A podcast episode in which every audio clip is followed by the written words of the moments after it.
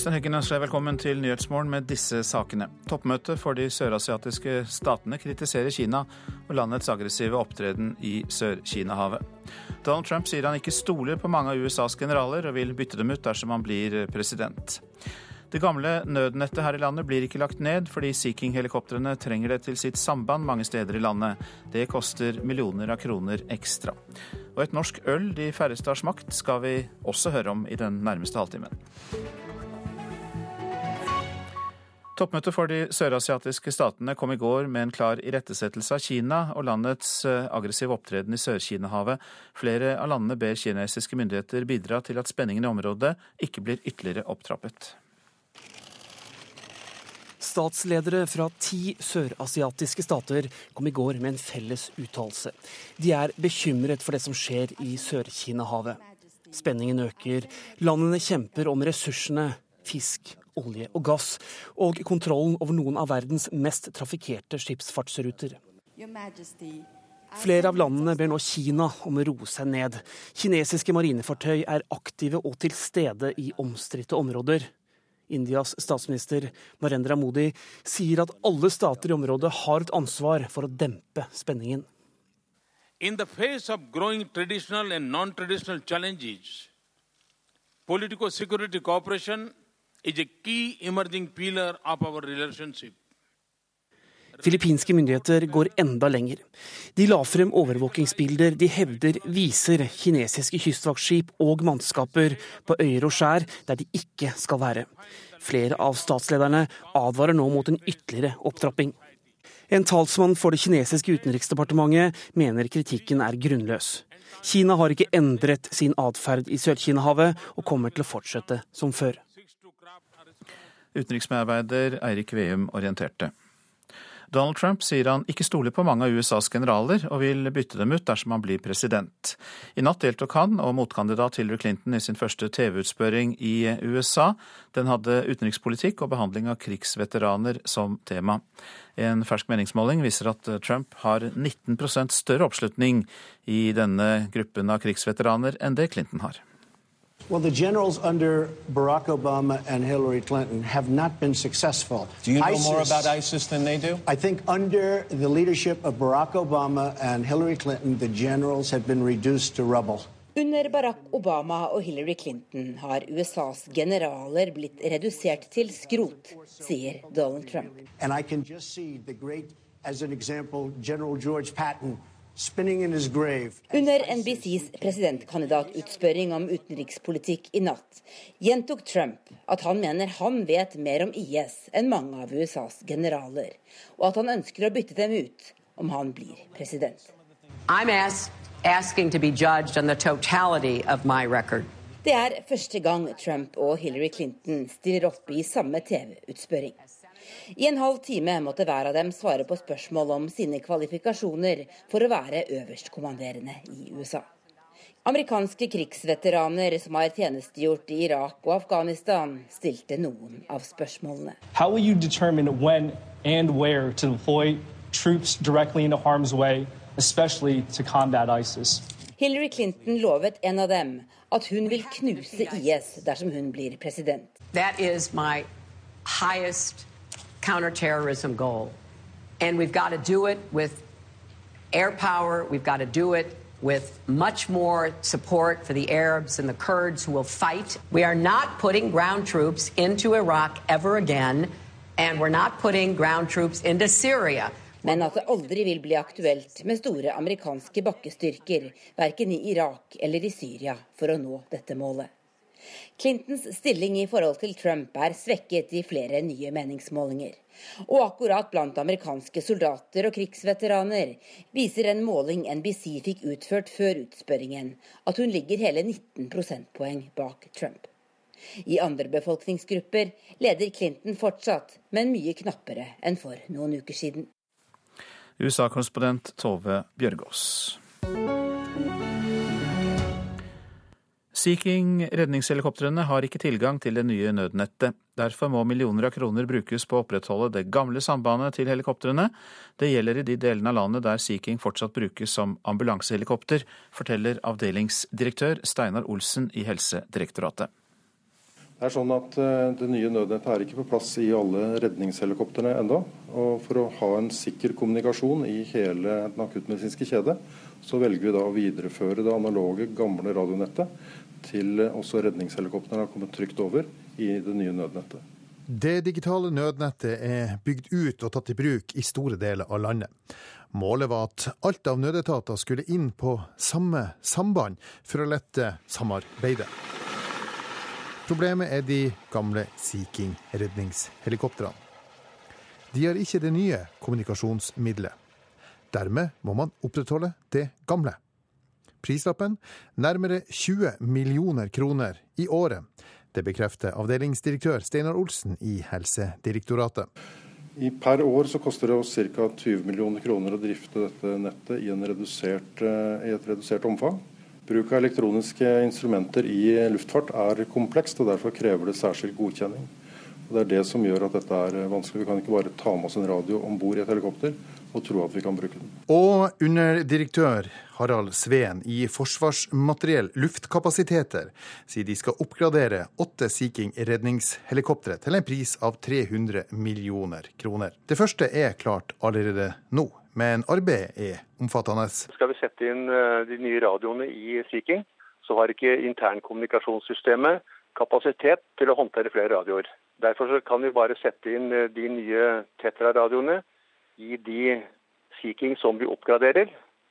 Og da er en, en, eh, det er relativt omfattende oppgradering, som også innbefatter at vi bytter ut internkommunikasjonssystemet. Reporter Martin Steinholt. Så var det det avisen er opptatt av i dag. 150 drept av partneren på 16 år. VG skriver at det totale antall drap i Norge er gått ned, men at andelene andelen partnerdrap fortsatt er høy. I år står eh, offerets eh, partner og ekspartner bak 39% av alle drap, skriver altså VG. Krev mer egenkapital av boligkjøperne i Oslo enn i resten av landet, foreslår sjef i den danske bank Trond Mellingsæter i Dagens Næringsliv.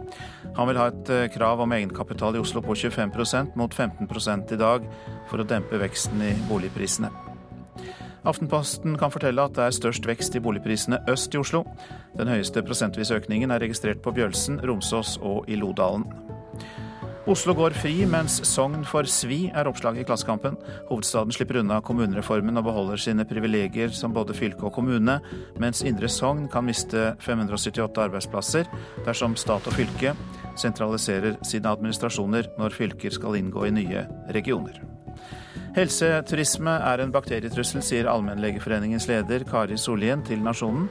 Hun advarer mot operasjoner i utlandet og er kritisk til fritt sykehusvalg i Europa.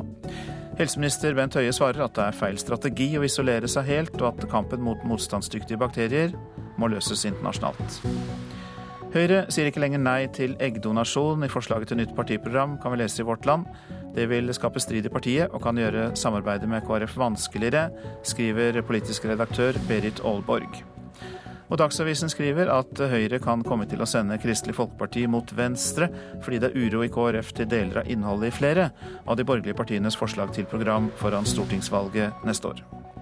Innad i KrF er det flere tillitsvalgte som mener at eh, Knut Arild Hareide må slå opp med Siv Jensen, skriver Dagbladet. KrFs fylkeslag vil i løpet av høsten komme med sine råd til partiets landsstyremøte. Og Fedrelandsvennen forteller om en eiendomsutvikler som skjelles ut av rasende motstandere på gata. Jon Bjørgum er forbauset over den voldsomme aggresjonen han møter i Kristiansand mot det nye parkeringshuset på Torvet. Handelsstanden gleder seg, men folk er delt, skriver avisa. Og så Politisk kvarter, Lilla Sølesvik, du er programleder der. Grensegjerde og Økokrim er tema. Ja, for nå gjør Norge som Ungarn har gjort, som franskmennene planlegger i Calais, og som Donald Trump gjerne vil gjøre mot Mexico. Vi bygger grensegjerde. Det er 3,5 meter høyt og 200 meter langt. Ordførerne i Sør-Varanger og flere lederskribenter i Finnmark mener at gjerdet er fullstendig unødvendig og gir gale signaler. Men de som støtter gjerdet, de lurer mer på om det er langt nok med 200 meter. Til oss kommer statssekretær Ove Vanebo. Han skal også få svare på hvorfor økonomisk kriminalitet tilsynelatende er nedprioritert av denne regjeringen. Det mener iallfall hans motdebattant.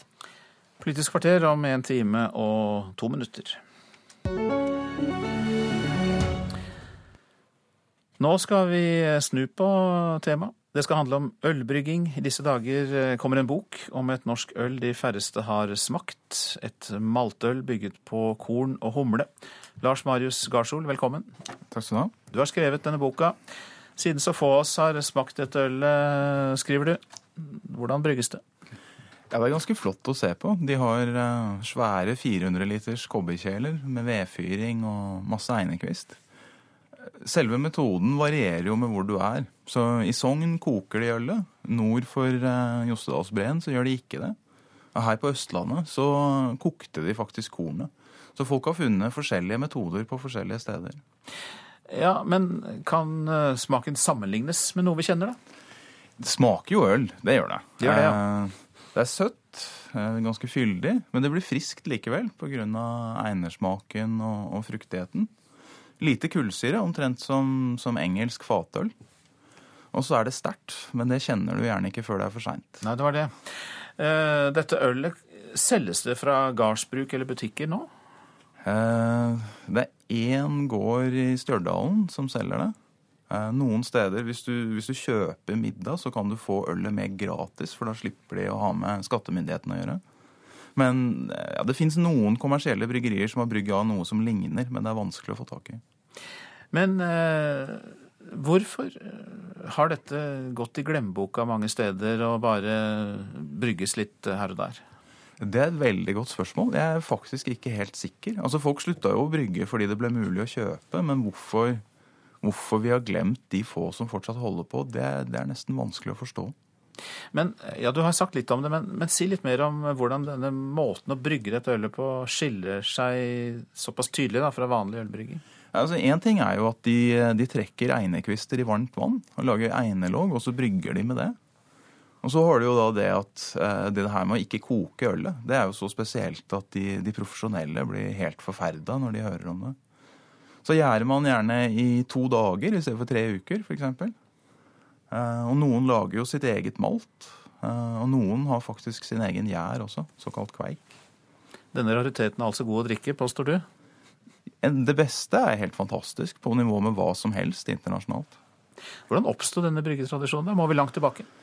Eh, vi må nok godt tilbake før Kristus, ja. Eh, det er Såpass. jo ja. Men eh, har du i boka di en gjennomgang av hvordan denne tradisjonelle ølbryggingen har utviklet seg gjennom århundrene? Ja, Det er veldig lite dokumentert hva som har skjedd over tid. Altså, Vi vet jo at Før så hadde de ikke kobberkjeler, så de brukte gjerne varme steiner for å varme opp ølet f.eks. Eh, så har man gradvis slutta med det, men det at de ikke koker, det skyldes nok at man, man brukte steiner og ikke hadde kjeler før, f.eks. Det er mange ting å ta fatt i her. Du nevnte også dette med egen gjær eller kveik. Eh, hva er det som eh, ingrediens? Altså Før i tiden så kunne man jo ikke kjøpe gjær. Så hver gård hadde sin egen gjærstamme. Og så viser det seg jo det da, at på Vestlandet så har faktisk denne gjæren overlevd. Så det er en del steder hvor folk bruker den samme gjæren som de alltid har gjort. Og det er jo faktisk veldig spesiell gjær. Du får jo ikke kjøpt den typen jern noe sted i verden. Men eh, ølet får du altså da kjøpt ett sted, kanskje i Norge. Um, tror du at dette kan fenge? At uh, noen folk kan tenke seg å begynne å brygge dette ølet? Det har jo faktisk allerede begynt. Det er jo Det ser ut som det blir en egen bryggekonkurranse i Polen om å brygge norsk gårdsøl neste år. Folk brygger det i USA, og det har virkelig blitt plukka opp igjen i Norge også. Så det, det er i ferd med å skje. Ja, men først i Polen. Og så i Norge, kanskje. At det brer om seg. ja, vi får se. Mange takk skal du ha, Lars Marius Garsol, som altså har eh, skrevet denne boka om eh, det norske gardsølvet og de lange tradisjonene vi har snakket om nå. Dette er Nyhetsmorgen, og klokka den nærmer seg 6.48. Vi har disse hovedsakene. Sea King redningshelikoptrene har ikke tilgang til det nye nødnettet. Derfor må millioner av kroner brukes på å opprettholde det gamle sambandet i deler av landet. Fotlenkesoning gir mindre kriminalitet, viser ny forskning fra Statistisk sentralbyrå. Mer om det etter klokka sju. Den republikanske presidentkandidaten Donald Trump sier han ikke stoler på mange av USAs generaler, og vil bytte dem ut dersom han blir president. Bordtennisspiller Tommy Urhaug håper å overraske motstanderne i Paralympics. Den regjerende paralympicsmesteren har endret spillestil siden han tok gull i London for fire år siden. Og uh, Urhaug eh, tror at det skal gjøre ham til en vrien mann å slå i Rio. Så jeg har uh, utvikla litt da, et par sånne svakheter som jeg har, eller ikke svakheter, men endringer jeg har gjort i spillestilen min, da, som jeg håper å, å klare å bruke. Og der er det nok så mange som ikke har fått med seg at jeg har jobba inn, så jeg håper det kan være et lite overraskelsesmoment. I natt norsk tid åpnet Paralympics på Maracana stadion i Rio i en fargerik og stemningsfull seremoni. Tommy Jurhaug er å regne som veteran i den norske troppen og deltar i sitt femte Paralympics. 36-åringen vil ikke fokusere på plassering, men legger ikke skjul på hva målet er. Nei, når jeg er her, så er jeg for å kjempe om medaljer, selvfølgelig, eh, og en finaleplass.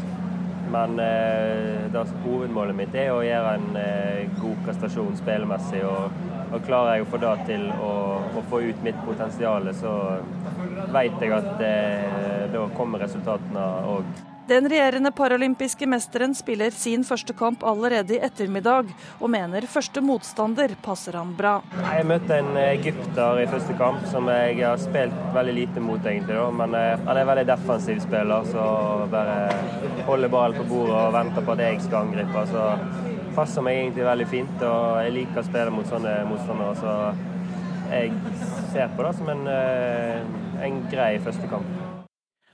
Og Tommy Urhaug spiller sin første kamp klokka 17.20. Reporter var Hilde Liengen.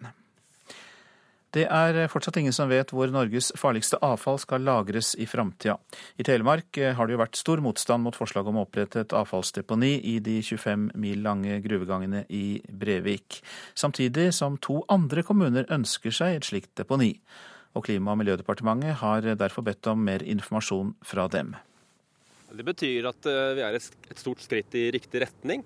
Deponimotstander i Brevik, Tor Kampfjord, er glad for at Klima- og miljødepartementet ber om mer detaljert informasjon om alternativene Kvinesdal og Nesset. Jeg tolker det veldig positivt. Eh, vi har vært tålmodige lenge. Det er klart Vi ønsker oss en avklaring og et nei vedrørende Brevik så raskt som mulig.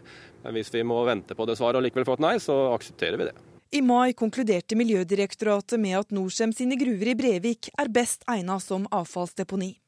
Klima- og miljøminister Vidar Helgesen fra Høyre vurderer fortsatt alle de fire alternativene Kvinesdal, Nesset, Porsgrunn og Sokndal kommuner. Nei, Vi har ikke utelukket noen eh, lokaliteter. Det er fire lokaliteter på bordet. Av dem er det to, deriblant Brevik, som eh, ikke ønsker dette, og hvor kommunene ikke har eh, satt i gang planprosesser. Så det vi nå gjør er å spørre de to kommunene som har satt i gang planprosesser, mer om innholdet i deres planer. NOAH får tilgang til å lagre farlig avfall i alle gruvegangene i Brevik, hvis departementet anser det som beste løsning. Prosjektdirektør i NOAH Egil Solheim kjemper fortsatt for at deponiet skal legges i Brevik. Akkurat nå kan vi ikke gjøre annet enn å vente på ministerens eh, beslutning. Så vi er vel like spente som, eh, som alle andre, vil jeg tippe. Vi i NOAH vi kjemper jo for Brevik-alternativet og mener det er den, eh, den beste løsningen. Og disse kommunene, som er alternativer altså, har fått en måneds frist på å komme med detaljert informasjon. Reporter var Solfrid Leirgul Øvrebø. I Sverige kaller dagligvarekjeden Ica tilbake 20 tonn giftige polske epler. Grunnen er at eh, det er innhold av plantevernmiddel der som er åtte ganger for høyt. Giften klorpyrofos, som kan påvirke sentralnervesystemet, ble funnet i stikkprøver. Og Middelet er ikke tillatt i Norge, men det er tillatt i enkelte EU-land. Nå om eh, gatekunstfestivalen i Stavanger. Nuart-festivalen har mistet brodden og blitt kommersiell og kjedelig. Det mener kunstkritiker. Norges største gatekunstfestival eh, åpner eh, lørdag for 16. gang, men møter altså kritikk fra byens kunstmiljø. Det er fine tegninger, de er lette å forstå, og de har et litt pubertalt preg. Det er litt som om du har en tenåring i huset som henger opp noen plakater og tegninger som han vil provosere mor og far litt med, men han vet at selv om han gjør dette, så får han fortsatt bo hjemme. Og de kommer egentlig bare til å trekke på skuldrene. Sier kunstkritiker i Stavanger Sigrun Hodne. Det er underholdning som er lett å forstå, og som dermed fort blir litt kjedelige. For 16 år på rad kommer gatekunstnere til Stavanger for å friske opp triste husvegger med hjelp av spraymaling og stensiler. I fjor var Blokk Bergebygg Nuart sponsor og fikk verdens største takmaleri. Folk flest elsker det, journalister i byen elsker det, næringslivet, reiselivet og ikke minst politikerne elsker det. I et intervju med kommunen da han fikk byens kulturpris i år, sier festivalens grunnlegger Martin Reed at Nuart stiller spørsmål ved offentlig makt og utfordrer folk. Men det stemmer dårlig med virkeligheten, mener Hodne. Dette er en, et samarbeid mellom kommunen, investorer og illustratører om å gjøre noe koselig i Stavanger by. Hvis jeg ønsket å drive kritikk av det bestående, så ville jeg nok ikke gjort det innunder en festival som var sponsa av en kommune og dens rikeste innbyggere. Stavanger Art City i en ny video selger Nuart nå inn konseptet Art City, som handler om å få gatekunst til byen også utenom festivalen. Slagordene en reporter leser opp her, vises som tekst i videoen. It's a city where culture meets commerce der dataanimert gatekunst popper opp rundt omkring i byen. Attracting talent and investment. Kunsten som sprer seg som en sånn nesten sopp eh, utover byen for og med ordene om økonomisk vekst. Det, det, ja, det er skremmende, rett og slett sier den etablerte stavangerkunstneren Natasha Askelund. En skal ikke lage kunst for å lage økonomisk vekst. Selv vil Nuarts grunnlegger Martin Reed ikke gi noe intervju nå. Han skriver i en e-post at kunst har blitt brukt til å generere vekst og turisme i 500 år. Ideen om at kunst kun eksisterer på et slags idealistisk og rent sted for perfeksjon, er både feilaktig og utdatert, skriver Reed. Det er ikke akkurat et aspekt som styrker kunsten, at den skal hele veien være til nytte for næringslivet i en by, tror jeg. Reporter i Stavanger, Anette Johansen Espeland. Den amerikanske versjonen av NRK-dramaserien Øyevitne skal sendes i beste sendetid i USA. Eyewitness, som den naturlig nok heter der, kan få millioner av seere. Og det er et gjennombrudd, sier NRKs dramasjef. Men andre er litt mer tilbakeholdne.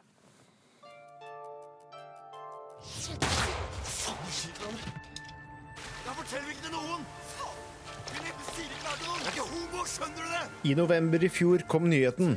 Nå er dagen snart her. 16.10 får NRK-dramaserien Øyevitne sin amerikanske adopsjon Eyewitness premiere på NBC Universal ID UC Cable med ti episoder.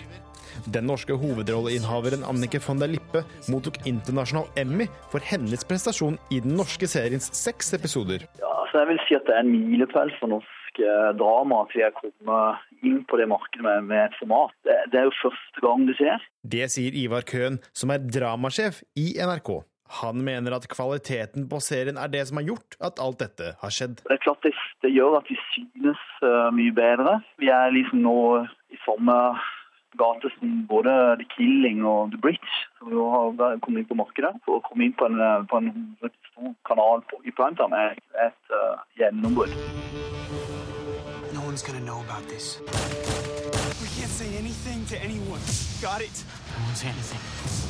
Men ansvarlig redaktør i film-, TV- og kinomagasinet Rushprint, Kjetil Lismoen, understreker at konkurransen om primetime, eller beste sendetid, er beinhard i USA. Primetime i USA er uh, primetime i det største TV-markedet i verden. Det lages over 500 TV-serier i USA uh, i, løpet av et år. og uh, Primetime i USA er ikke lenger det det en gang var, hvor man greide å samle vesentlige deler av nasjonen på enkelte TV-serier. Nå er det veldig fragmentert. Det lages vanvittig mye bra TV-serier. Så det markedet har jo endret seg radikalt. Han er heller ikke like sikker som Køhn på at dette er en milepæl. Det kan hende at det er en milepæl for de det gjelder, altså de som har laget den amerikanske versjonen. Eh, men det er jo ingen av TV-seerne i USA som vil koble dette til den norske versjonen. Derfor er det jo heller ingen milepæl sånn sett for norsk eh, TV-dramatikk eh, og for norske serieskapere. Men eh, for bransjen i USA, altså de som på en måte jobber eh, internt i bransjen, så er det jo kanskje eh, banebrytende på, på noen måter. Altså betyr mye for norske serieskaper å, å bli lagt merke til som premissleverandører for amerikanske versjoner, da. Reportere Nikolai Volsdal og Espen Alnes. Så tar vi for oss været. Østafjells. Eh, det blir i dag oppholdsvær og en del sol, eh, men i Telemark og Agder noe mer skyet. Mot kvelden ventes spredt regn sør for Mjøsa og lokal tåke. I Agder kan det komme litt regn allerede fra formiddagen. Vestlandet sør for Stad stort sett opphold, men mulighet for lokal morgentåke. Om kvelden litt regn. Vinden øker utover dagen. Det kan ventes sørøst stiv kuling på kysten og i fjellet i Rogaland, og sørøst stiv kuling på kysten og i fjellet i Hordaland og Sogn og Fjordane. Så var det Møre og Romsdal og Trøndelag. Enkelte regnbyger nord for Trondheimsfjorden først på dagen, men ellers opphold og en del sol der. Nord-Norge regn av og til, men mot kvelden blir det oppholdsvær og lettere skydekke, i hvert fall i Nordland. Spitsbergen skyet og stedvis enkelte tåkeskyer. Og vi tar for oss temperaturene. Disse ble målt klokka fem. Svalbard lufthavn tre, Kirkenes sju, Vardø ni, Alta sju, Tromsø-Langnes åtte. Bodø og Brønnøysund elleve, Trondheim-Værnes 9. Molde 11, Bergen-Flesland 13, Stavanger 15, Kristiansand-Kjevik 17 grader, Gardermoen 12, Lillehammer 9, Røros er nede i én plussgrad bare, mens Oslo-Blindern hadde 12. Og da sier vi farvel til eh, våre lyttere i eh, P1 pluss, men dere som hører på Alltid nyheter og P2, kan få høre mer fra oss etter Dagsnytt klokka sju.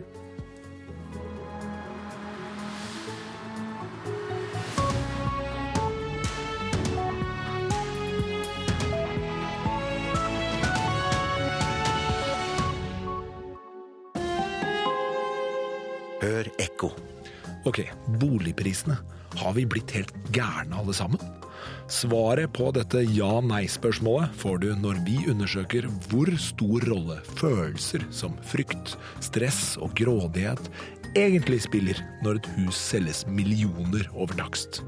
Ekko 9 11 i NRK P2.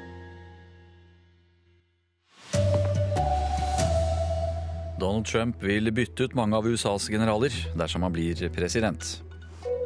Soning med fotlenke i stedet for fengsel ser ut til å redusere kriminaliteten. Her er NRK Dagsnytt klokka sju. Ja, den republikanske presidentkandidaten Donald Trump sier han ikke stoler på mange av USAs generaler, og vil bytte dem ut dersom han blir president. I natt deltok han og motkandidaten Hillary Clinton i sin første felles TV-utspørring, som hadde utenrikspolitikk og behandlinger av krigsveteraner som tema. En fersk meningsmåling viser at Trump har 19% større oppslutning blant denne velgergruppa enn Clinton. I think under the leadership of Barack Obama and Hillary Clinton, the generals have been reduced to rubble. Under Barack Obama og Hillary Clinton har USAs generaler blitt redusert til skrot, sier Donald Trump.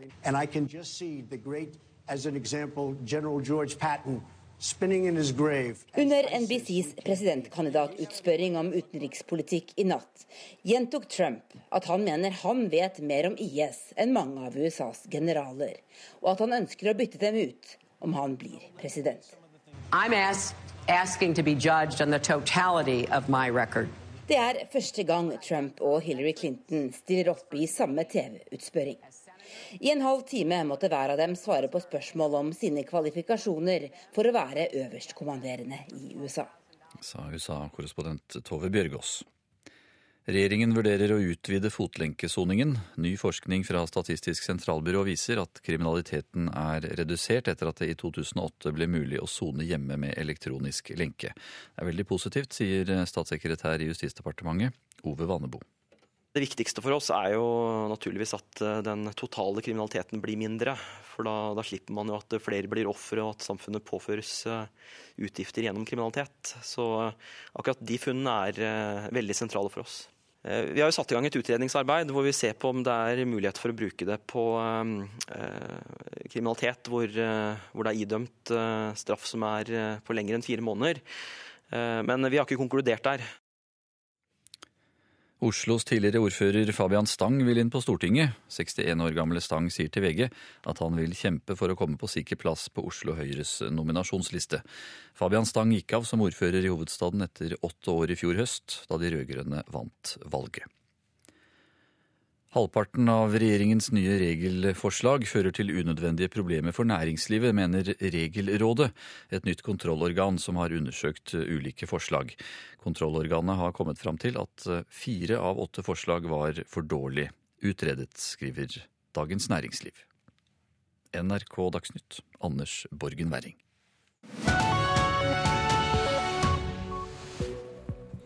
En av lederne for friomsorg kommer hit til Nyhetsmorgen, for han skal fortelle mer om hvorfor fotlenkesoning reduserer tilbakefall til kriminalitet, som vi hørte om i Dagsnytt nettopp. Færre bør få boliglån, mener økonom, som tror det kan få boligprisene ned. Vi er inne i en kollektiv depresjon. Halvparten av folket frykter flere arrestasjoner. Det sier tyrkisk kommentator.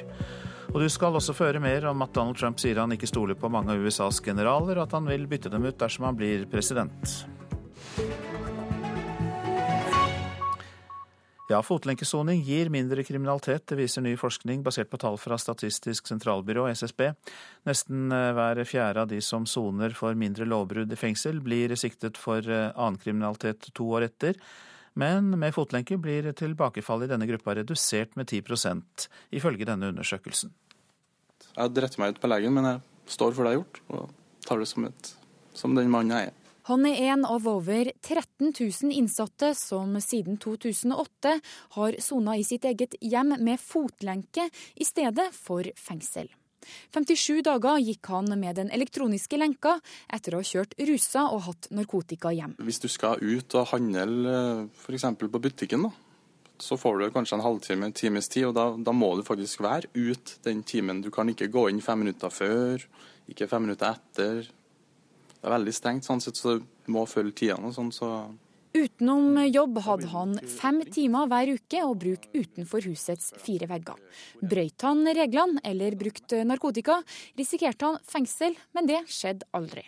Det vi da lurer på, det er om fotlenkeordningen eh, reduserer tilbakeholdt til ny kriminalitet. Sier forsker ved SSB Synnøve Nygård Andersen. Før fotlenkeordninga var nesten hver fjerde som satt inn mindre enn fire måneder for bl.a. økonomisk kriminalitet, narkotika eller veitrafikklovbrudd, sikta for ny kriminalitet igjen innen to år. Etter innføringa av fotlenke i 2008 er tilbakefallet i samme gruppe redusert 10 Årsakene kan være flere. Det faktum at, at de som soner har anledning til å beholde jobben sin, f.eks., kan være viktig. Det kan også være noe i det at de unngår de negative konsekvensene som følger av å sone i fengsel. Enten det er um, at de opplever stigmatisering i etterkant, eller at de kommer inn i et kriminelt nettverk mens de er i fengsel. Uh, og det kan også være at det, altså innholdet i straffegjennomføringen på fotlenke er jo litt annerledes, i den forstand at de soner jo i samfunnet. De følger en, en fastsatt timeplan hver dag hvor de skal jobbe, gå på skole osv. Og, så og det kan hende at dette kan ha overføringsverdi til, til livet etter soning. Det vi har sett så langt er veldig lovende, og, og det tyder jo på at det kanskje finnes eh, også andre områder hvor det kan være fornuftig. Statssekretær i Justisdepartementet Ove Vanebo sier de nå vurderer å utvide fotlenkeordninga til de som soner lenger enn fire måneder. Vi, vi mener at det er en, eh, en, en reaksjon som, eh, som er en smekk på fingrene. Eh, og Samtidig så, så, ser vi jo da at det har positive effekter på tilbakefall, blant annet, og da, da mener vi at det er noe som kan, kan brukes. Eh, mange vil kanskje spørre om fotlenke er straff nok. Hva tenker du? Jeg vil ikke si at det var så veldig straff, egentlig. Det var egentlig bare en eh, hjelpemiddel som eh, bare gjorde det lettere. 25-åringen har nå et klart mål, og det er fast jobb. Hasjen han rusa seg på, har han slutta med. Etter at jeg fikk på meg fotlenka, så har jeg ikke hatt lyst på det, og det har vært eh, kjempefint uten. Det var fotlenka som måtte, måtte til. Reportere Kari Mette Skreseth og Marit Gjelland. Tore Rån, god morgen til deg. Ja, god morgen, morgen. Du er leder for Trøndelag friomsorgskontor og med oss fra studio i Steinkjer. Ja, De som soner med fotlenke har mindre tilbakefall, og i innslaget hørte vi at noe av grunnene kan være at de beholder jobben og unngår fengselsmiljøet. Er du enig i det? Ja, det som kommer fram i reportasjen det stemmer godt det med hva som er vårt inntrykk om elektronisk kontroll. Det var ikke så veldig straff, mer som et hjelpemiddel, sa 25-åringen vi hørte her. Er ikke det litt betenkelig, da? Ja, det kan du nok si. Jeg tror det opplevelsen av straff varierer veldig fra person, person til person. Vi har nå fokus på at eh, straffen skal, skal motvirke framtidig kriminalitet. Og vi er nok forbi den tida da straff var en pinepåføring. Eh, og, og da er vi opptatt av å, at, eh, at, man kan få eh, bistand til å komme seg inn i et, et rett spor. Og jeg tror nok at at den kontrollen som også ble, ble kommentert i reportasjen, oppleves som, en, som et onde.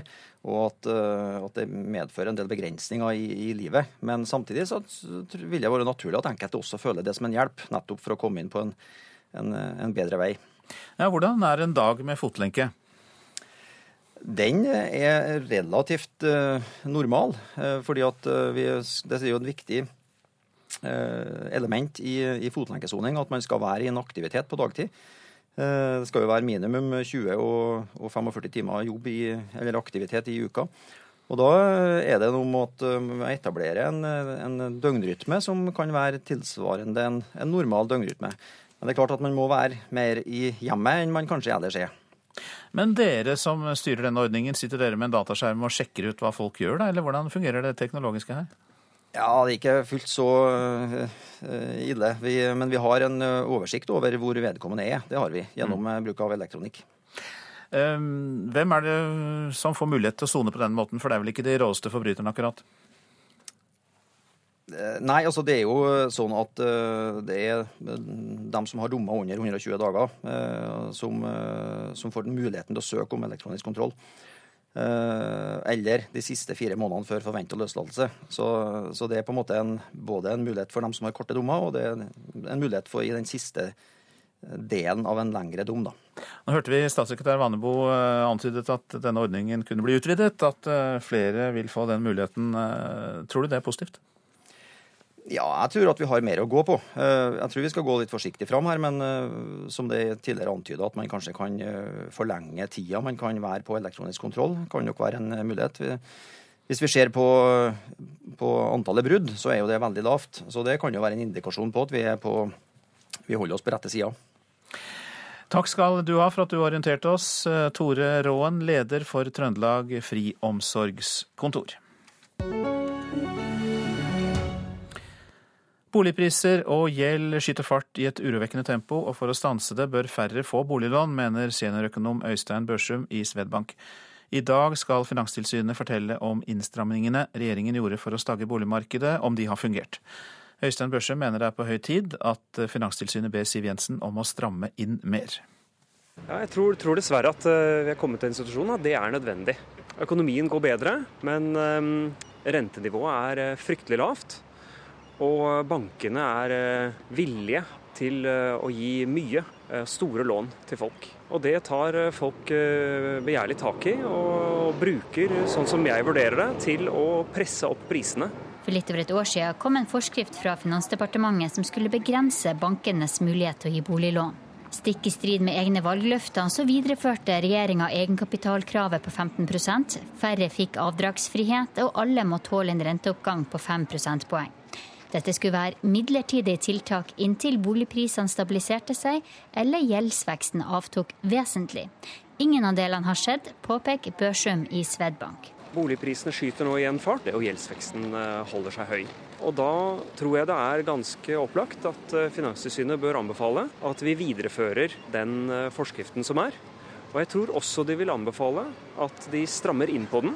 I forskriften som i dag får sin dom, så kan bankene gi unntak til krav om f.eks. egenkapital til 10% av kundene sine. Dette har økonomene omdøpt til fartsgrense. Det betyr at det er en god del som får boliglån, selv om de ikke har 15% egenkapital. Seniorøkonom i Svedbank Øystein Børsum mener denne fartsgrensa bør halveres. Vi vet fra internasjonal erfaring at denne typen innstramminger virker. Så hvis vi hadde gjort det, hvis vi hadde senket den fartsgrensen fra 10 til 5, så er jeg helt sikker på at det ville fått ned eh, veksten i boligpriser og gjeld raskt. Men det vil Eiendom Norge ikke ha noe av. Tross en prisvekst i deler av landet som beskrives som ute av kontroll, så advarer administrerende direktør Kristian Wammervold Dreyer mot å stramme inn. Nå har vi stor del av Vestlandet og Sørlandet som endelig nå begynner å få hjulene litt i gang i boligmarkedet. Og det eh, med innstramminger i boliglånsforskriften som treffer hele landet under ett, kan eh, gi uheldige konsekvenser som man ikke ønsker i de delene av landet akkurat nå. Det å gi færre boliglån vil uansett bli en tøff nøtt å selge for enhver politiker. Finansminister Siv Jensen har allerede brutt valgløftet om å fjerne egenkapitalkravet, og ville tidligere denne uka ikke si om hun vil følge rådene til Finanstilsynet. Ja, nå må jeg først se hvilke råd jeg får fra Finanstilsynet. Jeg mener det er viktig å få faglige vurderinger både fra Finanstilsynet, fra Norges Bank og andre som har eh, kunnskap og innsikt i ulike deler av eh, det norske boligmarkedet, men ikke minst også eh, kapitalmarkedet. For dette handler jo også om at mange mennesker nå låner veldig mye penger. Og Finanstilsynets dom over disse innstrammingene kommer klokka ti i dag. Reporter Linda Reinholdsen. Det er fortsatt ingen som vet hvor Norges farligste avfall skal lagres i framtida. Det er stor motstand mot å lagre i Brevik i Porsgrunn kommune. Samtidig ønsker kommunene Nesset i Møre og Romsdal, Kvinesdal i Vest-Agder et slikt deponi, og Sokndal i Rogaland har også meldt sin interesse. Klima- og miljødepartementet ber derfor om mer informasjon fra disse kommunene, og det tolker Tor Kampfjord, en av deponimotstanderne i Brevik, som et godt tegn. Jeg tolker det veldig positivt. Eh, vi har vært tålmodige lenge. Det er klart Vi ønsker oss en avklaring og et nei vedrørende Brevik så raskt som mulig. Men hvis vi må vente på det svaret og likevel få et nei, så aksepterer vi det. Og klima- og miljøminister Vidar Helgesen sier han eh, trenger tid for å avgjøre hvor deponiet skal opprettes. Nettopp fordi dette dreier seg om farlig avfall som krever eh, god behandlingskapasitet og forsvarlig håndtering, så er det veldig viktig at vi har forsvarlig saksbehandling, og at vi ikke rykker frem uten at vi sikrer at all tilgjengelig informasjon er på bordet. Om få sekunder er klokka kvart over sju. Dette er hovedsaker. Soning med fotlenke hjemme har fått ned kriminaliteten, viser ny forskning. Regjeringen vurderer å utvide ordningen med fotlenkesoning. For å redusere veksten i boligprisene bør færre få boliglån, mener seniorøkonom Øystein Børsum i Svedbank. Han mener regjeringen bør stramme inn regelverket for utlån ytterligere. Vi er inne i en kollektiv depresjon. Halvparten av folket frykter flere arrestasjoner. Det sier en tyrkisk kommentator. Mer om det snart. Først om at Donald Trump sier han ikke stoler på mange av USAs generaler, at han vil bytte dem ut dersom han blir president. I natt deltok han og motkandidat Hillary Clinton i sin første TV-utspørring i eh, USA. Den hadde utenrikspolitikk og behandlingen av krigsveteraner som tema. En fersk meningsmåling viser at Trump har 19 større oppslutning blant eh, krigsveteranene enn det Clinton har. Well, the generals under Barack Obama and Hillary Clinton have not been successful. Do you know ISIS, more about ISIS than they do? I think under the leadership of Barack Obama and Hillary Clinton, the generals have been reduced to rubble. Under Barack Obama og Hillary Clinton har USAs generaler blitt redusert til skrot, sier Donald Trump. And I can just see the great, as an example, General George Patton under NBCs presidentkandidatutspørring om utenrikspolitikk i natt gjentok Trump at han mener han vet mer om IS enn mange av USAs generaler, og at han ønsker å bytte dem ut om han blir president.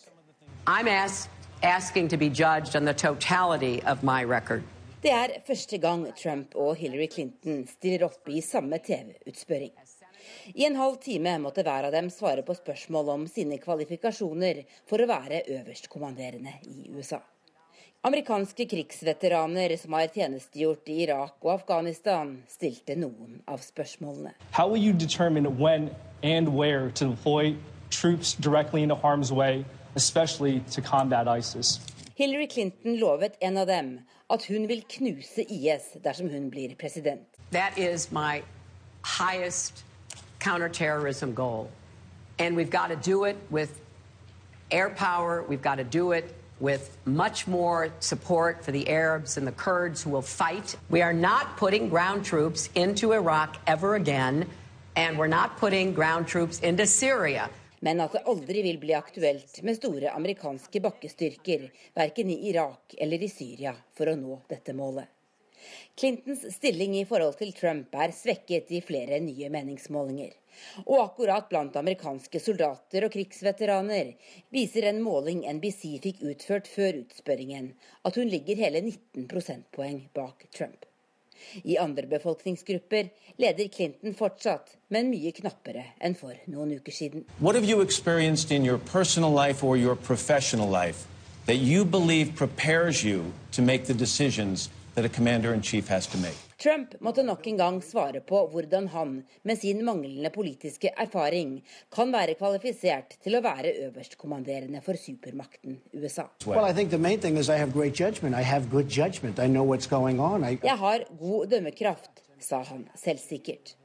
Han roste også Russlands president Vladimir Putin. Well, he does have an 82% approval rating according to the different pollsters. So I think when he calls me brilliant, I'll take the compliment, okay? 82% av innbyggerne i landet hans mener han gjør en god jobb.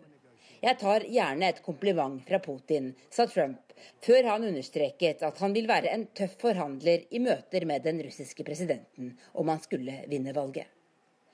Etter utspørringen ble velgere i delstaten Ohio, en av dem der presidentvalget vil bli avgjort, bedt av NBC om å beskrive de to kandidatene med ett ord hver. Donald Trump, outsider. Clinton, corrupt. Donald Trump, vague. Hillary Clinton, experienced. Trump ble kalt både outsider og president. Clinton fikk beskrivelsen korrupt, erfaren og må i fengsel. Donald Trump president, Hillary Clinton jail. Denne reportasjen var laget av USA-korrespondent Tove Bjørgaas. Nå Tyrkia. Vi er inne i en kollektiv depresjon. Halvparten av folket frykter flere arrestasjoner, mens resten av folket frykter infiltratører og nye kuppforsøk. Ja, det sier den politiske kommentatoren Josef Kanli til NRK. I dag og i morgen kommer både Nato-sjefen, EU-topper og Norges utenriksminister Børge Brende på sine første besøk til Ankara etter kuppforsøket. Men eh, det er for seint, mener tyrkere flest. The entire country is in depression. No one has any idea, any self, sense of security for tomorrow. Hele landet er i kollektiv depresjon.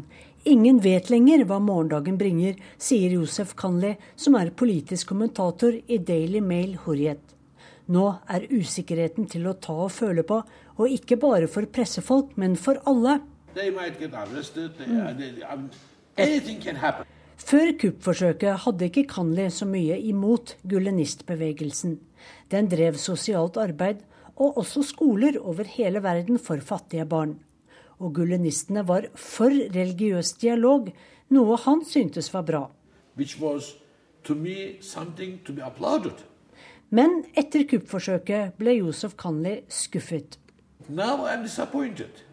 In democracy, you have to believe in one fundamental thing, and that is governments come and go i demokratier kommer regjeringer til makten bare ved valg, ikke ved kupp, slår han fast. At myndighetene tar et oppgjør med kuppmakerne og deres støttespillere, forstår han godt. Men hvor bredt skal egentlig nettet kastes? Hvem som helst kan visst bli beskyldt for å sympatisere med kuppmakerne nå, sier han og gir et eksempel. For example, every year I donate money either to the Red Crescent Hvert år donerer jeg penger til Den røde halvmåne eller velferdsorganisasjonen til den tyrkiske hæren.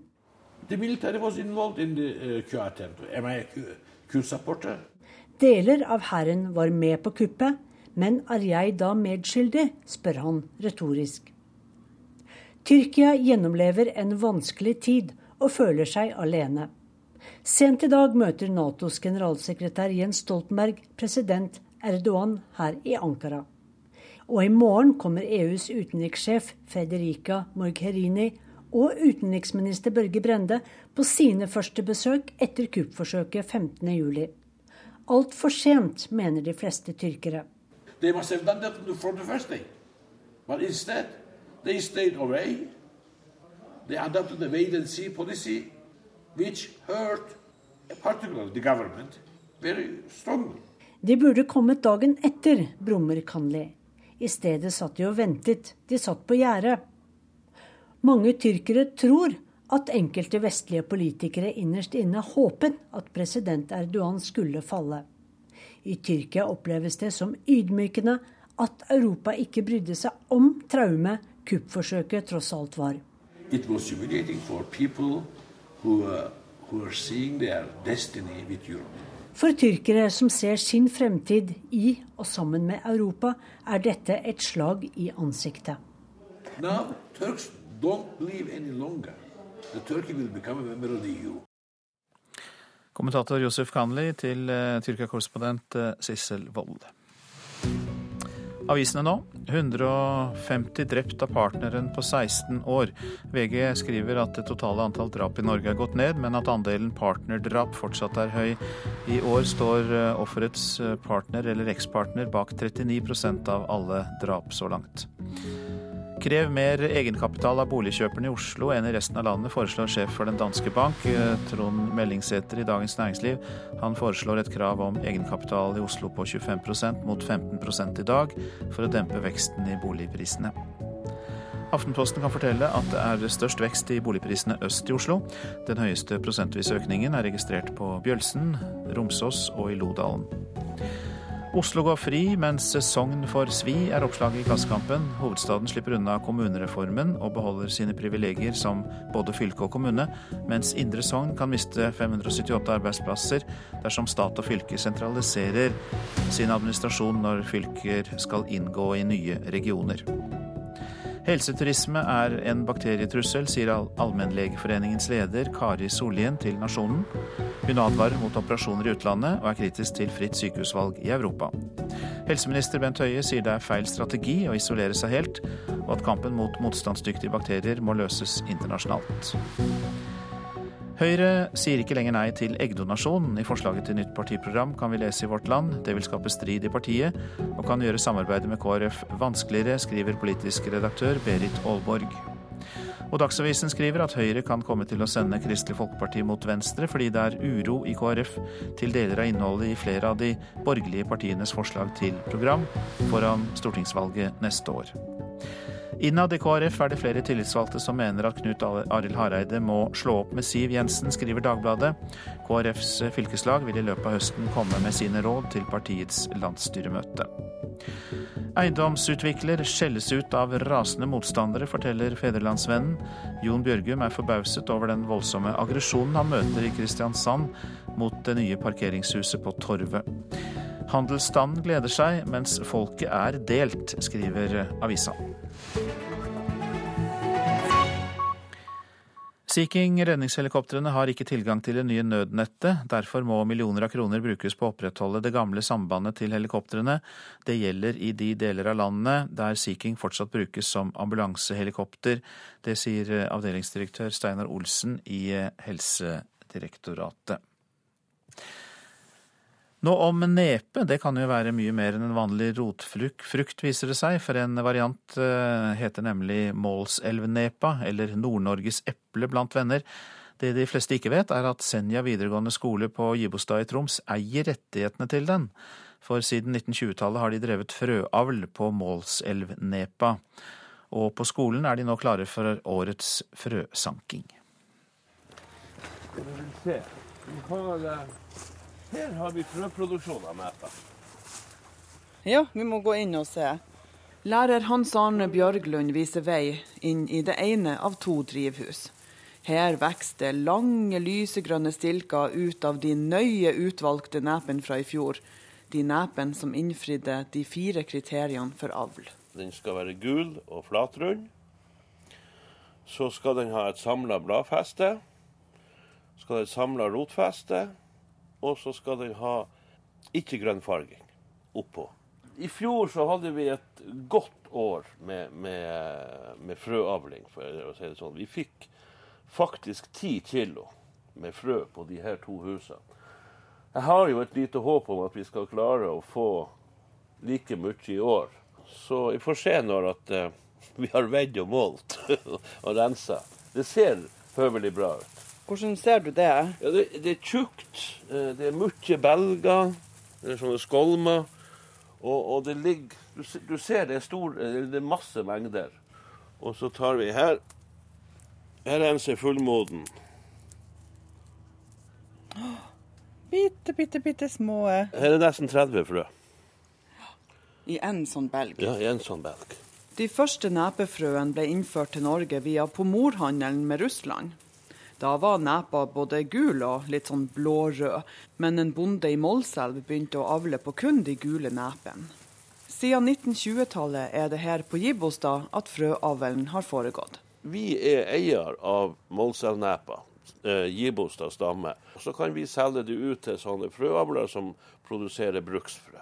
Det er jo veldig viktig at vi får fram det her nordnorske produktet, og, som er rimelig særegent. Eh, og som smaker fantastisk godt. Den beste grønnsaken som finnes. På åkeren nedfor Senja videregående skole på Gibostad dyrkes det forskjellige grønnsaker. Og årets målselvnepe er snart klar til å høstes inn. Og her kan du se. Perfekt i størrelsen. Den er gul, eh, flatrund. Eh, rotfestet er ikke helt 100 men, men det, det, får gå. Men så ser du her at bladfestet helt perfekt. Samla overalt. Jaha. Men så har hun den her lille skjæret av grønnfarge som vi ikke, eh, som vi ikke vil ha. Så den så, kommer ikke til å bli avla videre på? Nei, den her kan vi spise. Den var litt bleikere. Men her ser du, den her detter ut på røtter overalt. Så det, det, er ikke noe å avle videre på. Så det er terningkast? Ja, så til mat så vil jeg jo si at den er på terningkast åtte-ni. Men til avl så er det null. Får ikke være med. Så, så uh, kresen er dere, altså? Ja, vi er, vi er blitt veldig kresen. I dag så er det jo synet, altså hvordan du ser varen. Det er jo det som selger, det er jo ikke smaken. Og det var lærer Hans Arne Bjørglund som uh, sa det, og vår reporter som knasket uh, Målselvnepet på Gibostad, det var uh, Linda Pedersen. Norge bygger et 200 eh, meter langt grensegjerde mot Russland. Helt unødvendig, mener noen, for kort mener andre. Lars Georg Fordal, leder for Barentssekretariatet, går i debatt med Ove Vannebo, statssekretær i Justisdepartementet, om dette. Dette er Nyhetsmorgen, produsent Ingvild Ryssdal, og her i studio Øystein Heggen.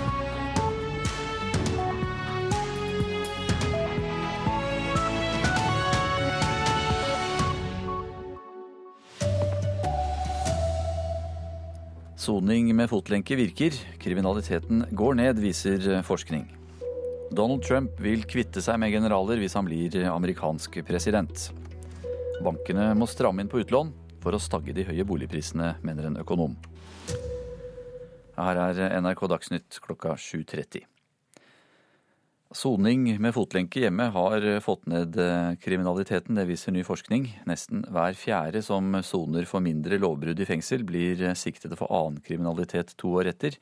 Men etter at soning med fotlenke ble innført i 2008, så er tilbakefallet i denne gruppa redusert. Jeg dretter meg ut på legen, men jeg står for det jeg har gjort, og tar det som den mannen jeg er. Det er nå to måneder siden han ble en fri mann igjen. Etter å ha kjørt rusa og hatt narkotika i hus, sona han 57 dager hjem med elektronisk fotlenke. Utenom jobb fikk han være ute fem timer i uka. Brøyt han reglene, risikerte han fengsel. Det er veldig stengt, sånn sett, så du må følge tidene sånn, så Det vi da lurer på, det er om fotlenkeordningen eh, reduserer tilbakeholdt ny kriminalitet. Sier forsker ved SSB Synnøve Nygård Andersen. Før fotlenkeordninga var nesten hver fjerde som satt inn mindre enn fire måneder, sikta for ny kriminalitet igjen innen to år. Etter innføringa av fotlenke i 2008 er tilbakefallet i samme gruppe redusert 10% De følger en, en fastsatt timeplan hver dag hvor de skal jobbe, gå på skole osv. Og, så og det kan hende at dette kan ha overføringsverdi til, til livet etter soning. Statssekretær i Justisdepartementet Ove Vanebo sier de nå vurderer å utvide fotlenkeordninga til de som soner lenger enn fire måneder. Vi mener at det er en, eh, en, en reaksjon som, eh, som, er en smekk på fingrene. Eh, og Samtidig så, så, ser vi jo da at det har positive effekter på tilbakefall, blant annet, og da, da mener vi at det er noe som kan, kan brukes. Jeg vil ikke si at det var så veldig straff, egentlig. Det var egentlig bare en eh, hjelpemiddel. 25-åringen har nå slutta med rus og drømmer om fast jobb. Det var fotlenka som eh, måtte, måtte til. Og Siden 2008 eh, så har over 13 000 sonet i sitt eget hjem ved hjelp av den elektroniske lenka. Reporter var Marit Gjelland. Russlands president Vladimir Putin har vært en bedre leder enn USAs president Barack Obama. Det sa det republikanske partiets presidentkandidat Donald Trump da han og motkandidaten Hillary Clinton deltok i den første felles TV-utspørringen i USA. Donald Trump sa også at han ikke stoler på mange av USAs generaler, og vil bytte dem ut dersom han blir president. I think under the leadership of Barack Obama and Hillary Clinton, the generals have been reduced to rubble.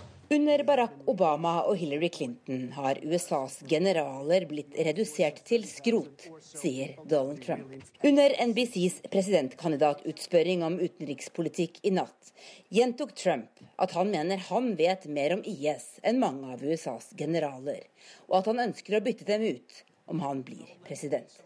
I'm asked, asking to be judged on the totality of. Det er første gang Trump og Hillary Clinton stiller opp i samme TV-utspørring. I en halv time måtte hver av dem svare på spørsmål om sine kvalifikasjoner for å være øverstkommanderende i USA.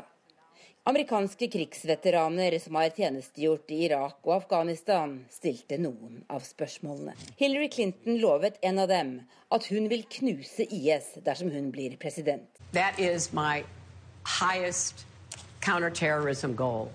Trump måtte nok en gang svare på hvordan han, med sin manglende politiske erfaring, kan være kvalifisert til å være øverstkommanderende for supermakten USA. Han roste også Russlands president Vladimir Putin. Well, he does have an 82% approval rating according to the different pollsters. Well, I think when he calls me brilliant, I'll take the compliment, okay? 82% av innbyggerne i landet hans mener han gjør en god jobb. Jeg tar gjerne et kompliment fra Putin, sa Trump, før han understreket at han vil være en tøff forhandler i møter med den russiske presidenten om han skulle vinne valget. Og det sa USA-korrespondent Tove Bjørgaas.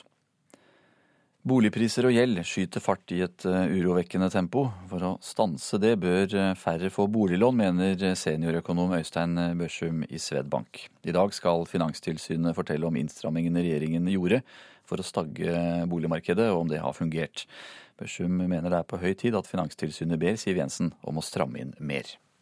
Ja, jeg tror, tror, dessverre at uh, vi har kommet til en situasjon at det er nødvendig. Bankene er uh, villige til uh, å gi mye store lån til folk. Og det tar folk begjærlig tak i, og bruker, sånn som jeg vurderer det, til å presse opp prisene. For litt over et år siden kom en forskrift fra Finansdepartementet som skulle begrense bankenes mulighet til å gi boliglån. Dette skulle være midlertidige tiltak inntil boligprisene stabiliserte seg eller gjeldsveksten avtok vesentlig. Ingen av delene har skjedd, påpeker Børsum i Svedbank. Og Da tror jeg det er ganske opplagt at eh, Finanstilsynet bør anbefale at vi viderefører den eh, forskriften som er. Og jeg tror også de vil anbefale at de strammer inn på den. Finansminister Siv Jensen har allerede brutt valgløftet om å fjerne egenkapitalkravet, og ville tidligere denne uka ikke si om hun vil følge rådene til Finanstilsynet. Nå må jeg først se hvilke råd jeg får fra Finanstilsynet. Jeg mener det er viktig å få faglige vurderinger både fra Finanstilsynet, fra Norges Bank og andre som har eh, kunnskap og innsikt i ulike deler av eh, det norske boligmarkedet, men ikke minst også kapitalmarkedet. For dette handler jo også om at mange mennesker nå låner veldig mye penger.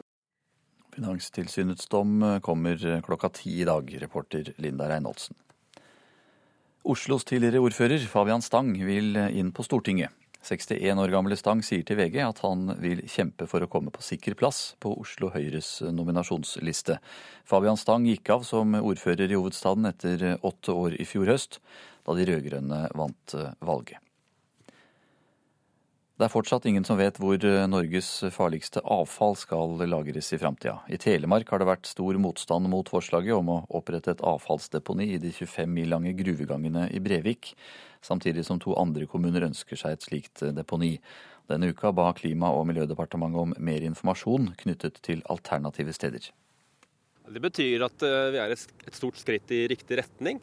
Deponimotstander i Brevik, Tor Kampfjord, er glad for at Klima- og miljødepartementet ber om mer detaljert informasjon om alternativene Kvinesdal og Nesset. Jeg tolker det veldig positivt. Eh, vi har vært tålmodige lenge. Det er klart Vi ønsker oss en avklaring og et nei vedrørende Brevik så raskt som mulig. Men hvis vi må vente på det svaret og likevel få et nei, så aksepterer vi det. I mai konkluderte Miljødirektoratet med at Norcem sine gruver i Brevik er best egnet som avfallsdeponi. Klima- og miljøminister Vidar Helgesen fra Høyre vurderer fortsatt alle de fire alternativene Kvinesdal, Nesset, Porsgrunn og Sokndal kommuner. Nei, Vi har ikke utelukket noen eh, lokaliteter. Det er fire lokaliteter på bordet. Av dem er det to, deriblant Brevik, som eh, ikke ønsker dette, og hvor kommunene ikke har eh, satt i gang planprosesser. Så det vi nå gjør, er å spørre de to kommunene som har satt i gang planprosesser, mer om innholdet i deres planer. NOAH får tilgang til å lagre farlig avfall i alle gruvegangene i Brevik, hvis departementet anser det som beste løsning. Prosjektdirektør i NOAH Egil Solheim kjemper fortsatt for at deponiet skal legges i Brevik. Akkurat nå kan vi ikke gjøre annet enn å vente på ministerens eh, beslutning. Så vi er vel like spente som, eh, som alle andre, vil jeg tippe. Vi i NOAH vi kjemper jo for Brevik-alternativet og mener det er den, eh, den beste løsningen. Kommunene har fått én måneds frist på å komme med detaljert informasjon til Klima- og miljødepartementet. Reporter her, det var Solfrid Leirgøl Øvebø. Så til eh, Paralympics i Rio de Janeiro i eh, Brasil, som nå er i gang for fullt. Regjerende paralympisk mester i bordtennis, Tommy Urhaug, håper å overraske motstanderne. Han har endret spillestil siden han tok gull i London for fire år siden, og tror det gjør ham til en vrien mann å slå. Jeg har uh, utvikla litt og et par sånne svakheter som jeg har Eller ikke svakheter, men endringer jeg har gjort i spillestilen min, da, som jeg håper å, å klare å bruke. Og det er det nok så mange altså, ikke har fått med seg at jeg har eh, jobba inn, så jeg håper det kan være et lite overraskelsesmoment. I natt norsk tid åpnet Paralympics på Maracana stadion i Rio i en fargerik og stemningsfull seremoni. Tommy Urhaug er å regne som veteran i den norske troppen og deltar i sitt femte Paralympics. 36-åringen vil ikke fokusere på plassering, men legger ikke skjul på hva målet er. Nei, Når jeg er her, så er jeg for å kjempe om medaljer, selvfølgelig. Den regjerende paralympiske mesteren spiller sin første kamp allerede i ettermiddag, og mener første motstander passer han bra. Jeg møtte en egypter i første kamp som jeg har spilt veldig lite mot, egentlig. Da. Men eh, han er veldig defensiv spiller, så bare holder ballen på bordet og venter på at jeg skal angripe. Så jeg ser på det som en eh, en grei første kamp. Ja, det sa Tommy Urhaug, som eh, spiller sin første bordtenningskamp eh, klokka 17.20 i eh, ettermiddag norsk tid. Reporter var Hilde Liengen. Erlend Rønneberg har ansvaret for NRK Dagsnytt i dag. Jeg heter Anders Borgen Werring.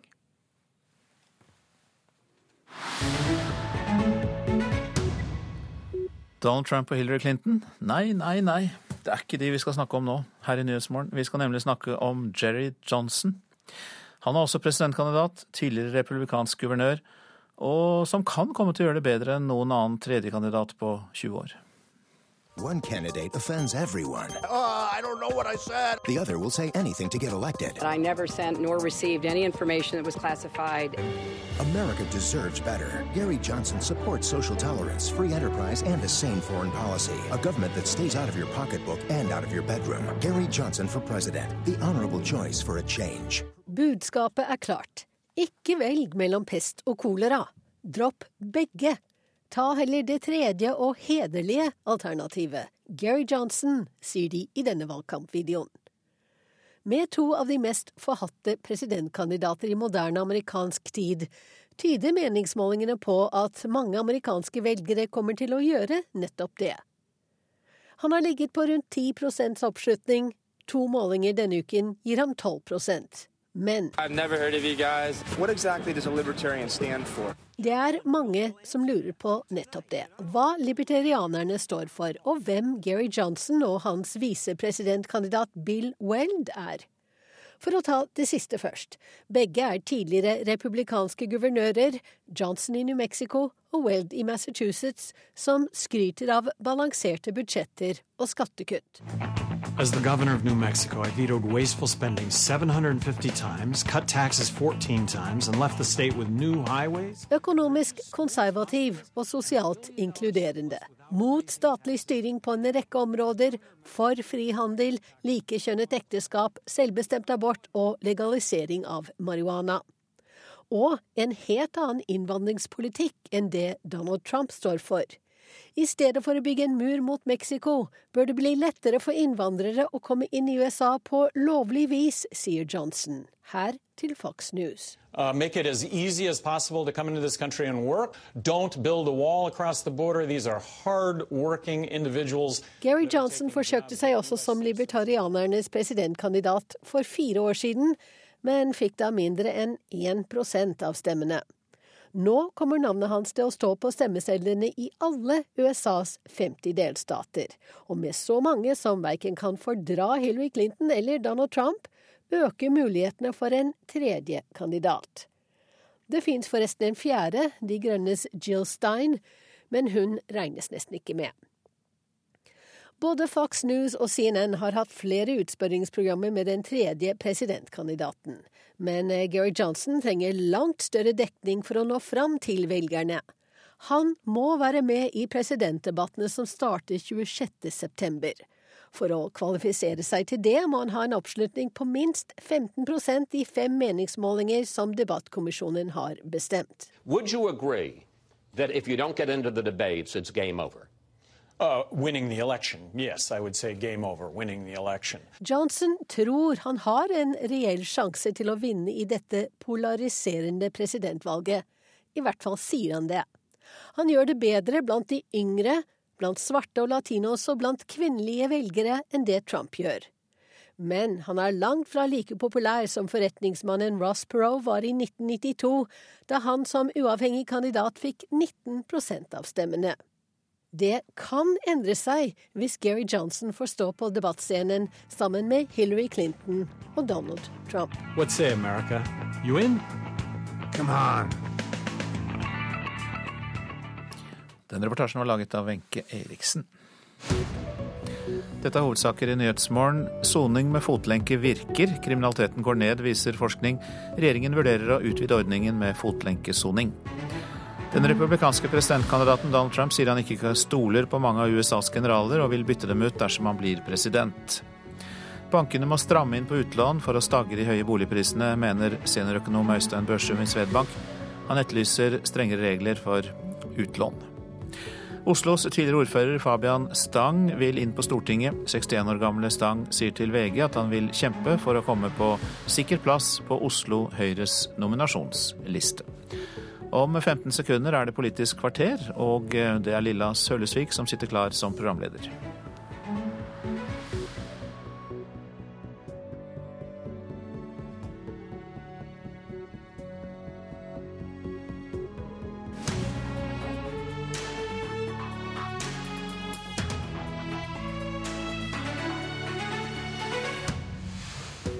Regjeringen bygger nå et 3,5 meter høyt stålgjerde på grensa mot Russland. Provoserende og unødvendig, mener politikere i Finnmark. Og kriminalitet ser ut til å lønne seg, særlig om den er økonomisk. Bransjeorganisasjonen mener justisministeren ikke er på banen i det hele tatt. Ja, velkommen til Politisk kvarter, som denne morgenen også går direkte i NRK P1, i hvert fall i Finnmark. I Ungarn har de satt opp et piggtrådgjerde. I Calais skal de nå bygge mur, og Donald Trump har sagt at han skal få opp et gjerde mot Mexico. Og nå, litt i det stille i hvert fall for folk sørpå, så bygger nå også Norge et sikkerhetsgjerde. Det er tre-fire meter høyt, og det er på Storskog mellom Norge og Russland. Men bare 200 meter langt. Statssekretær Ove Vanebo, hva oppnår du med 200 meter langt gjerde? Eh, hvis, er, eller hvis, man tror målet er å sikre hele grensa, så vil det jo selvfølgelig eh, ikke ha en så stor virkning. Men det, Hva er målet, da? det som er målet, er å sikre kontroll på grensepasseringspunktet. Og da er det jo klart at når du får et gjerde som er 200 meter langt, og som er en ganske kraftig opprustning av infrastrukturen rundt grensestasjonen, så vil det kunne være med på å styre folkestrømmen hvis det kommer veldig mange eh, mennesker. Men, eh, men, de som kom i fjor, det var jo 5500 som kom i fjor, kommer ikke de syklende langs veien? De kommer ikke over skogen? Det er riktig, men så er det jo samtidig sånn at det vi så i fjor, var at eh, ting kan skje veldig raskt og endre seg i løpet av veldig kort tid. Og Da er nødt, vi nødt til å gjøre en del grep for å sørge for at vi er godt forberedt hvis det da skulle skje at vi får en folketilstrømning eh, hvor det er mindre kontroll på folkemassene. Og da er det klart at eh, Hvis man da får opp en, uh, en infrastruktur av den typen, så vil det ha virkning. Og så er det jo sånn at Norge skal være en eh, Schengen-ytterpost akkurat på det punktet. Eh, og Derfor så mener vi også at for å kunne ivareta de forpliktelsene som følger gjennom Schengen-samarbeidet, så er vi nødt til å ha en oppdatert og, og mer robust infrastruktur. Leder for Barentssekretariatet, Lars Georg Fordal. Du vil rive regjere du, før det egentlig er satt helt på plass. Hvorfor det? Jeg mener jo det er helt unødvendig å fylle ingen eh, funksjon. fordi at der hvor det gjerdet skal føres opp, så står det i dag en bom, og det er ingen som eh, har eh, prøvd å ta seg over der.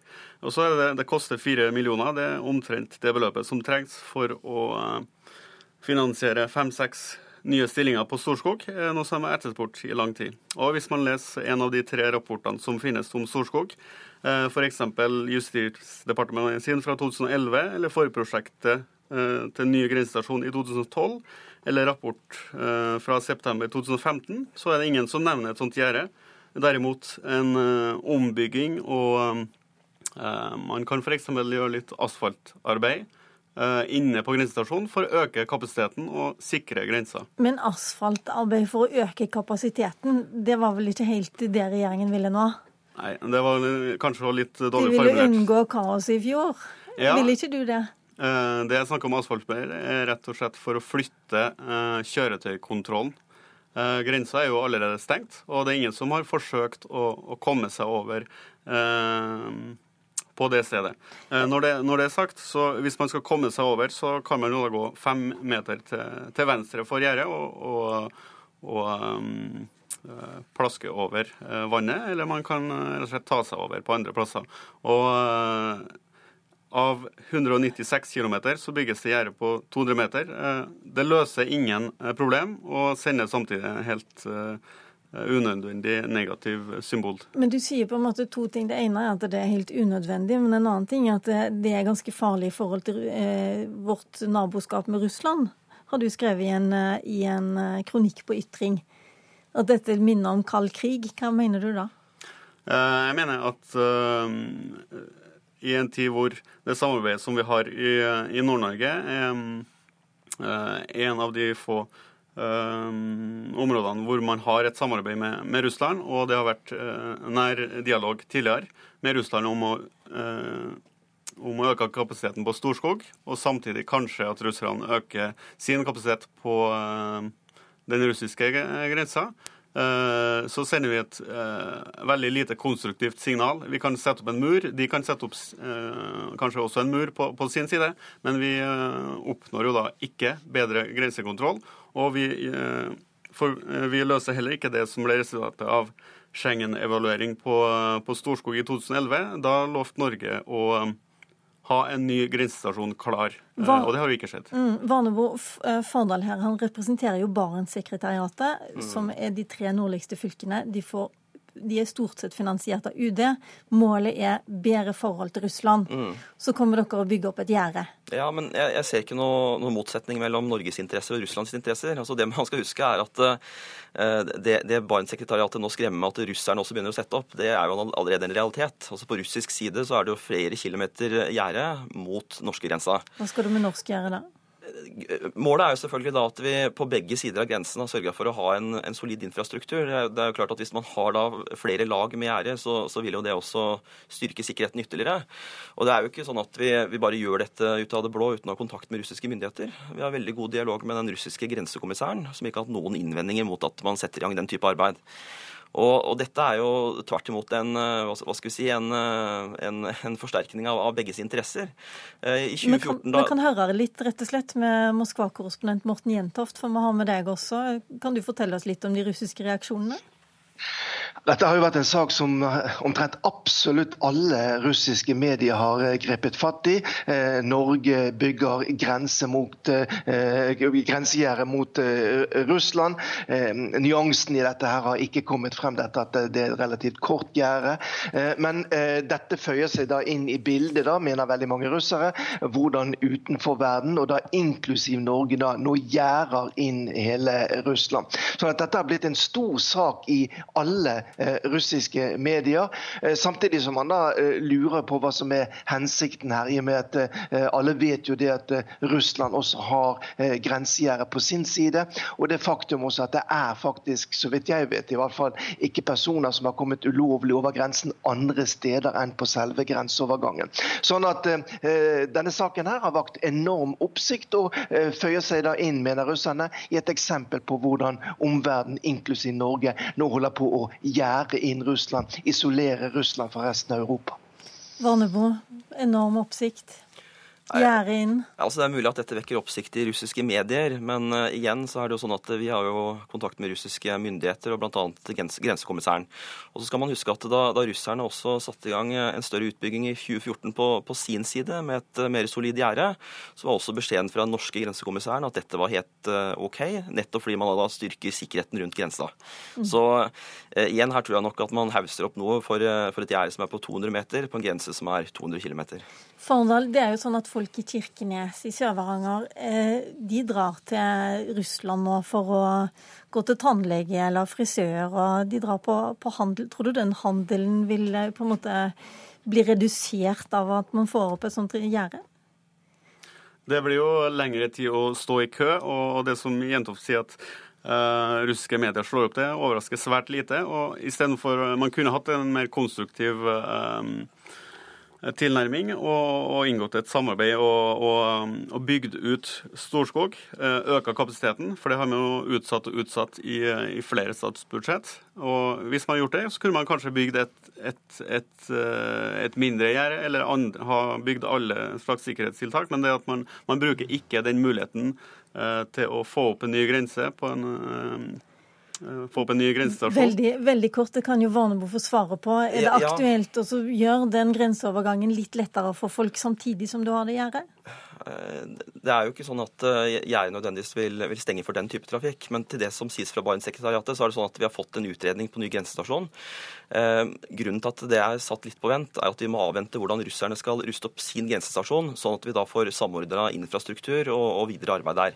Så det, det, er jo igjen et eksempel på at vi har veldig god kontakt med russiske myndigheter, nettopp for da også samordne eh, hvordan grensepasseringene skal fungere.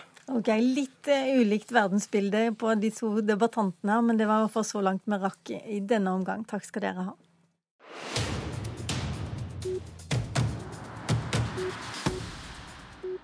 Vi skal skifte tema, og Ove Vanebo skal få en ny motdebattant. Men først skal vi høre Riksadvokatens henstilling til regjeringen og norske politikere. Og jeg har et klart ønske og en utfordring til våre politikere om at eh, Økokrim må ta flere av de alvorligste sakene i hele landet det forutsetter en helt annen ressurssetting av mm. Økokrim. Ja, det skal handle om økonomisk kriminalitet, og det var riksadvokat Tor Aksel Busch som sa dette da han gjesta programmet Torp tidligere denne uka. Riksadvokaten mente Økokrim må legge bort en rekke saker som handler om økonomisk kriminalitet, fordi de ikke har ressurser nok. Og Inger Koll, velkommen. Du er leder for Norsk Økoforum. Det er en organisasjon som dem som jobber for de som jobber mot økonomisk kriminalitet i politi og skattemyndighet osv. Kjenner du igjen det bildet, at dere må legge vekk mange saker? Ja, ubetinget. Det er eh, en bitter sannhet. Eh, og eh, det vi også opplever, er at det har vært et betydelig nedgang i interessen og fokuset fra Justisdepartementets side siden forrige regjeringsskifte, faktisk. Og jeg opplever at fra våre medlemmer så kommer det stadig meldinger om at det er frustrasjon. Men mindre interesse, sier du. Hvordan arter det seg? Altså, det er jo én ting. En annen ting er det, det er vel like mange som jobber med dette? Om det er like mange som jobber med det? Ja. Eh, ja, det, vi har vel også fått noen flere stillinger, har vært eh, signalisert. Men eh, sakene blir stadig større, og de er mer komplekse. Og vi trenger mer ressurser for å håndtere den tilgangen på, på de vanskelige og tunge sakene. Og vi ser at mye blir lagt vekk. Og vi ser også at økoteamene i distriktene, de, de sliter. De er ikke vernet mot andre oppgaver, slik at en politimester vil kunne sette en økonomietterforsker til å jobbe med stedelighet eller vold, f.eks. Og da lyder også økosakene. Ove Vanebo, det er på en måte en slags gjenganger, dette her. Men hvor ofte får du sånne henstillinger fra Riksadvokaten? Nei, altså det, er, det er klart at en, en, sånn henstilling er noe vi skal ta på dypeste alvor. og eh, Vi har allerede bedt om et møte med Konkursrådet for å diskutere hvordan utfordringen er, og, og finne ut hva som da kan gjøres for å møte det. Men samtidig så Men Konkursrådet de var ute i august og ropte et alvorlig varsko for disse viktige økonomiske sakene. De Ja. ble bare lagt til side nå. Og Det er derfor jeg også er, har nødt til å presisere litt at det allerede har vært gjort en del som vi mener har, eh, har hjulpet, og som vil hjelpe fremover. Eh, Et av de viktigste grepene som vi har gjort, er å få på plass disse såkalte arbeidslivssentrene, hvor du da samler eh, Nav, arbeidstilsyn, eh, skattemyndigheter og politi, som da går gjennom en del av disse veldig store sakene som da er innenfor arbeidslivskriminalitet, som da selvfølgelig også går under økonomisk kriminalitet. I tillegg så har vi fått på plass bokoordinatorer innenfor konkurssaker, som da skal samordne saker mellom bostyre og politi, og finne ut av hvilke saker man da skal gå etter og prioritere, for da også kunne finne ut hvor det er mulig å sette inn støtet. Og så er det allerede overført bl.a. ti stillinger til eh, Oslos eh, miljøkrim- og finansseksjon. Og så er det jo også noe som selvfølgelig må gjøres på lengre sikt. og Det gjelder jo da å bygge opp større fagmiljøer.